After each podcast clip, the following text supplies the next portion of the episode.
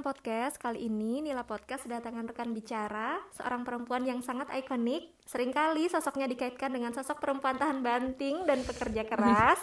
Dia adalah Sukma Aristiawati. Hai Sukma. Halo Nila, halo teman-teman. Baik, mudah-mudahan terus baik. Amin. Sekarang sibuk apa, Ma?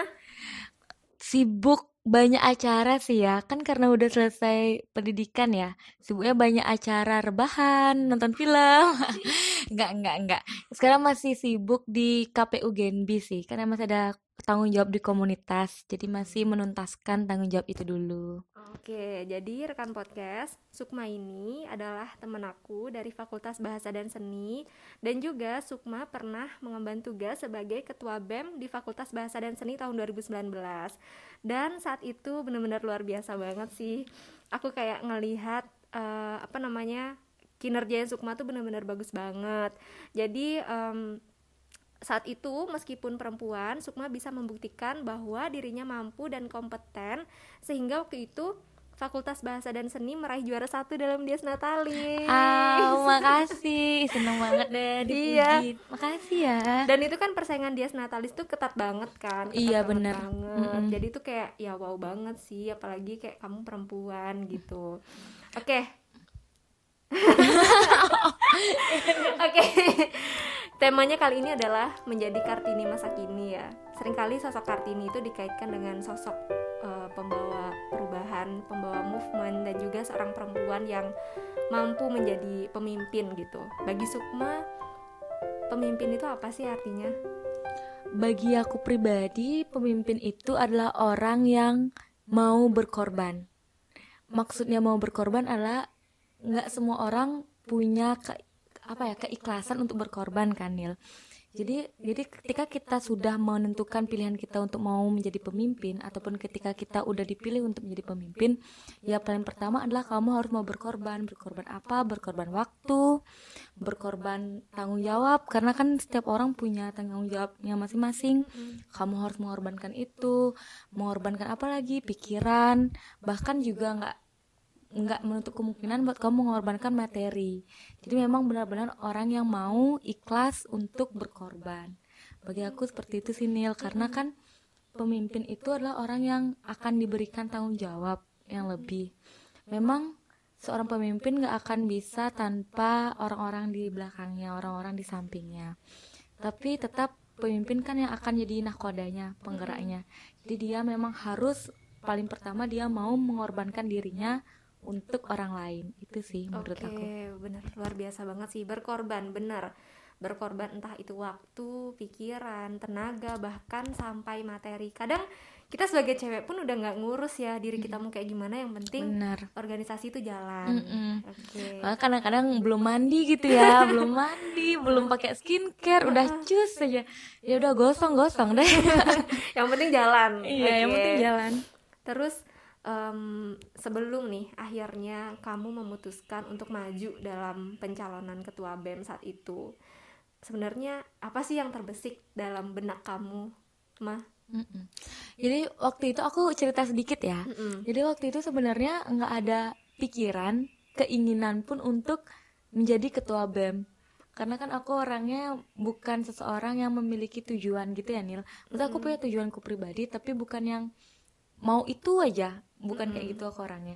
Nah, ketika itu di kebetulan di Fakultas Bahasa dan Seni harus mengeluarkan setiap jurusan karena waktu itu aku masih jurusan ya, belum digabung mengeluarkan satu kandidat yang akan diseleksi ketat dan juga bersaing untuk pemilihan.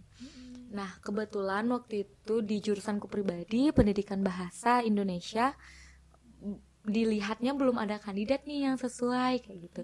Jadi waktu itu kakak tingkatku yang mencalonkan aku.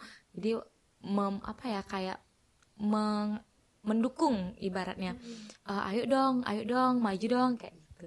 Nah, karena waktu itu juga sebenarnya aku bimbang gimana ya maju atau enggak karena kalau aku maju jadi ketua berarti aku harus melepaskan salah satu organisasi yang aku suka juga yang aku sayang juga Mm-mm. yaitu kan hima karena kalau misal di FBS ketika kamu jadi ketua kamu tidak boleh mengemban jabatan lain di organisasi lain kayak gitu. Nah bimbang banget tuh waktu itu. Nah ketika itulah uh, banyak dapat masukan banyak dapat dukungan dan karena situasi juga yang sedikit tidaknya bikin aku ngerasa loh kok kayak gini ya ternyata? Oh kok rasanya perempuan dianggap nggak mampu ya? Jadi mm. ada kayak dorongan dari dalam diri bahwa ingin membuktikan diri sih. Uh, bahwa pikiran-pikiran seorang yang mengenai perempuan itu lemah perempuan itu nggak bisa perempuan itu nggak punya pilihan dan sebagainya ingin aku hapuskan. Jadi ingin membuktikan diri bahwa loh pikiran itu salah loh. Perempuan itu bahkan bisa lebih sebenarnya jika kita diberikan kesempatan mm -hmm. itu sih yang bikin waktu itu mantap dan juga mau untuk mengikuti pemilihan ketua BEM. Oke, luar biasa banget sih saat itu itu udah termasuk kayak motivasi yang benar-benar mendorong kamu ya jadinya. Iya. Oke. Terus ketika kamu udah terpilih apa tantangan yang sebenarnya mungkin sebelum kamu terpilih kayak baru bayangan-bayangan aja mm -hmm. tapi setelah terpilih nih apa sih tantangan sebenarnya yang kamu hadapi dan mungkin saat itu ada kalanya membuat kamu down terus semangat lagi kayak gitu. Mm -mm. Uh, kalau misalnya dilihat dari kacamata organisasi tentu banyak ya. Dan nggak bisa aku utarakan satu persatu. Tapi aku ingin mengupas dari kacamata aku pribadi ya personal. Kok tantangan personal tentu saja diremehkan. Wow. kenapa? Karena kan seperti yang tadi aku katakan sebelumnya perempuan itu kadangkala dianggap tidak mampu. Kurang dan banyak lah karena kan kita dianggap mudi. Perempuan itu eh, cewek itu lo mudi. Nanti kok misalnya dia kenapa-kenapa pasti akan berimbas ke organisasi. Sering banget aku dengar statement-statement kayak gitu. Dan itu sih yang bikin selama baru aku nak baru aku menjabat merasakan bahwa wah ini ya sebenarnya. Ya bukan dari anggota aku ya tentu aja bukan. Bukan juga dari orang-orang terdekatku tapi dari kacamata lebih besar lebih luas. Karena kan peran di sana kan fakultas ya. Tentu kan banyak banget orang yang terlibat di dalamnya. Nah itu sih kayak diremehkan kayak itu karena dilihat uh, memangnya mampu ya gitu? Atau bukan bahkan ada kata-kata kayak wah uh, yakin nih nggak mungkin bisa lebih baik. Kayak gitu. Jadi itu sih yang bener-bener waktu tantangan membuktikan diri ya bahwa ini loh bukan karena aku pribadi bukan karena aku perempuan tapi organisasi itu bukan hanya ketuanya aja. Itu kan ada kerja sama tim.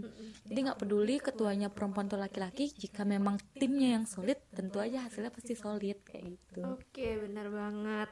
Benar banget benar banget. Dan mungkin kalau nggak ada Sukma saat itu uh, teman-teman yang lain mungkin juga nggak akan ter terobsesi atau nggak akan juga termotivasi untuk lebih aktif lagi di organisasi ya nggak iya, sih? mudah-mudahan okay. ya. Terus um, kita back to topic. Hmm. menurut kamu menjadi kartini masa kini itu apa artinya dan seperti apa? Kalau aku pribadi uh, menurut aku kartini masa kini itu adalah perempuan yang bisa membawa perubahan. Perubahannya nggak perlu luas nggak perlu besar sampai mengubah dunia tapi paling tidak mengubah lingkungan terdekat kita sendiri. dan mengubah diri kita sendiri sih. kenapa? Karena ketika perempuan bisa mengubah dirinya dari sekarang kan banyak bilang insecure insecure insecure kan. Tapi ketika dia perempuan itu bisa mengubah dirinya dari insecure menjadi bersyukur itu sudah suatu langkah besar yang akan berdampak terhadap dirinya sendiri dan tanpa disadari orang sekitarnya. Karena aura positif itu ada dalam diri kita loh Nil.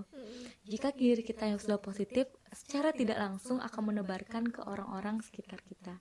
Jadi perubahan-perubahan kecil yang dapat dilakukan dari perempuan itu sendiri dalam diri, lalu kemudian ke lingkungan, semisal seperti tadi bisa membawa kebahagiaan ke lingkungannya, atau mungkin bisa membawa, membawa uh, hal-hal yang lebih baik di lingkungannya. Misalnya nih biasanya di lingkungan itu orangnya berantem berantem atau beringas. Dengan dia ada di sana dengan dia bisa menjadi air yang tenang dia bisa membawa perubahan di sana itu sudah termasuk kartini menurutku. Karena kan karena bagi aku pribadi ibu kita kartini itulah salah satu perempuan yang membawa perubahan besar ya, baik dari kesetaraan gender dan juga pendidikan. Jadi memang poin utamanya adalah perubahan yang lebih baik, jangan yang tidak baik ya, yang lebih positif seperti itu. Oke, benar banget sih kata Sukma. Bagaimana seorang perempuan itu membawa perubahan? Makanya aku katakan tadi bahwa uh, mungkin dengan adanya Sukma gitu, Sukma maju jadi ketua BEM, banyak perempuan-perempuan di sana yang akhirnya termotivasi gitu untuk ikut menjadi pemimpin dalam suatu organisasi. Karena aku pernah baca uh, suatu tulisan itu kayak gini. Kalau seumpama nggak ada ibu kita Kartini, mungkin sekarang ini perempuan nggak bisa kuliah. Mungkin nggak ada tuh cewek-cewek cantik di kuliah di kampus bener. tuh nggak ada, mm -hmm. ya nggak sih? Iya, bener sih. Oke, okay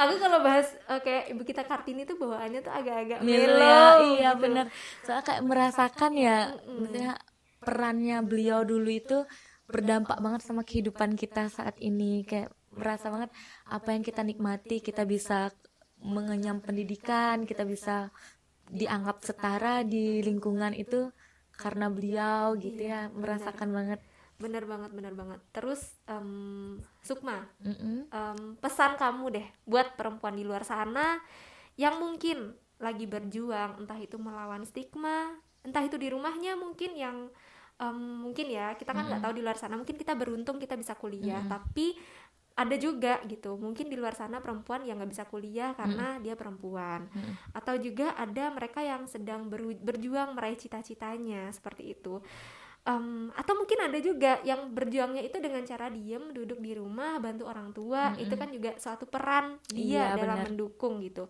apa sih kayak pesan kamu buat perempuan-perempuan di luar sana agar uh, kita nih melanjutkan perjuangan ibu kita kartini dari aku pribadi aku ingin mengajak bukan pesan ya nilai ya kalau aku pribadi aku ingin mengajak teman-teman semua untuk tetap kuat dan jangan takut. Ayo kita tetap kuat.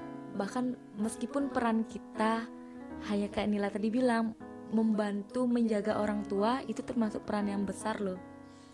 Apalagi jika kita diberikan kesempatan lebih untuk bisa melanjutkan cita-cita atau mungkin sudah bekerja di usia muda dan sebagainya tetaplah kuat karena kalian sudah membawa sudah membuat suatu pergerakan yang baik dan jangan pernah takut Kenapa jangan pernah takut untuk melangkah ke depan? Meskipun terlihat sulit, meskipun terlihat tidak mungkin, tidak adil, jangan pernah takut untuk mematahkan stigma itu. Buktikan bahwa diri kita itu adalah anaknya Kartini.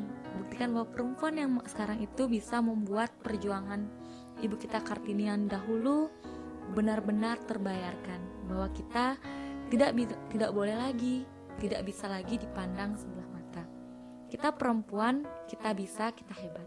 Oke, aduh luar biasa banget, sumpah itu deep banget kita perempuan, ah. kita bisa, kita hebat, benar-benar banget.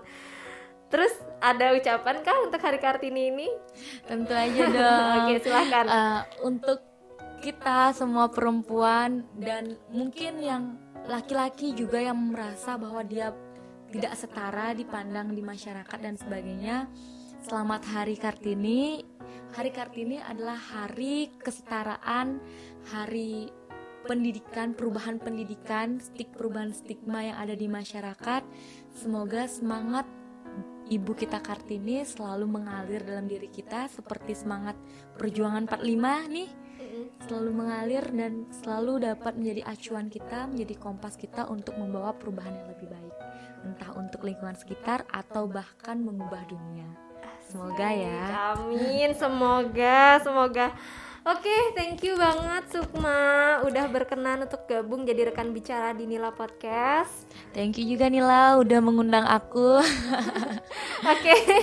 makasih banget ya karena um, aku harap sih rekan pendengar di mana pun mereka berada gitu kan ini bisa bermanfaat gitu amin gak cuma buat kita berdua tapi untuk rekan pendengar di rumah juga benar okay. benar thank you Sukma sampai ketemu di thank next podcast juga. ya iya Bye. thank you ya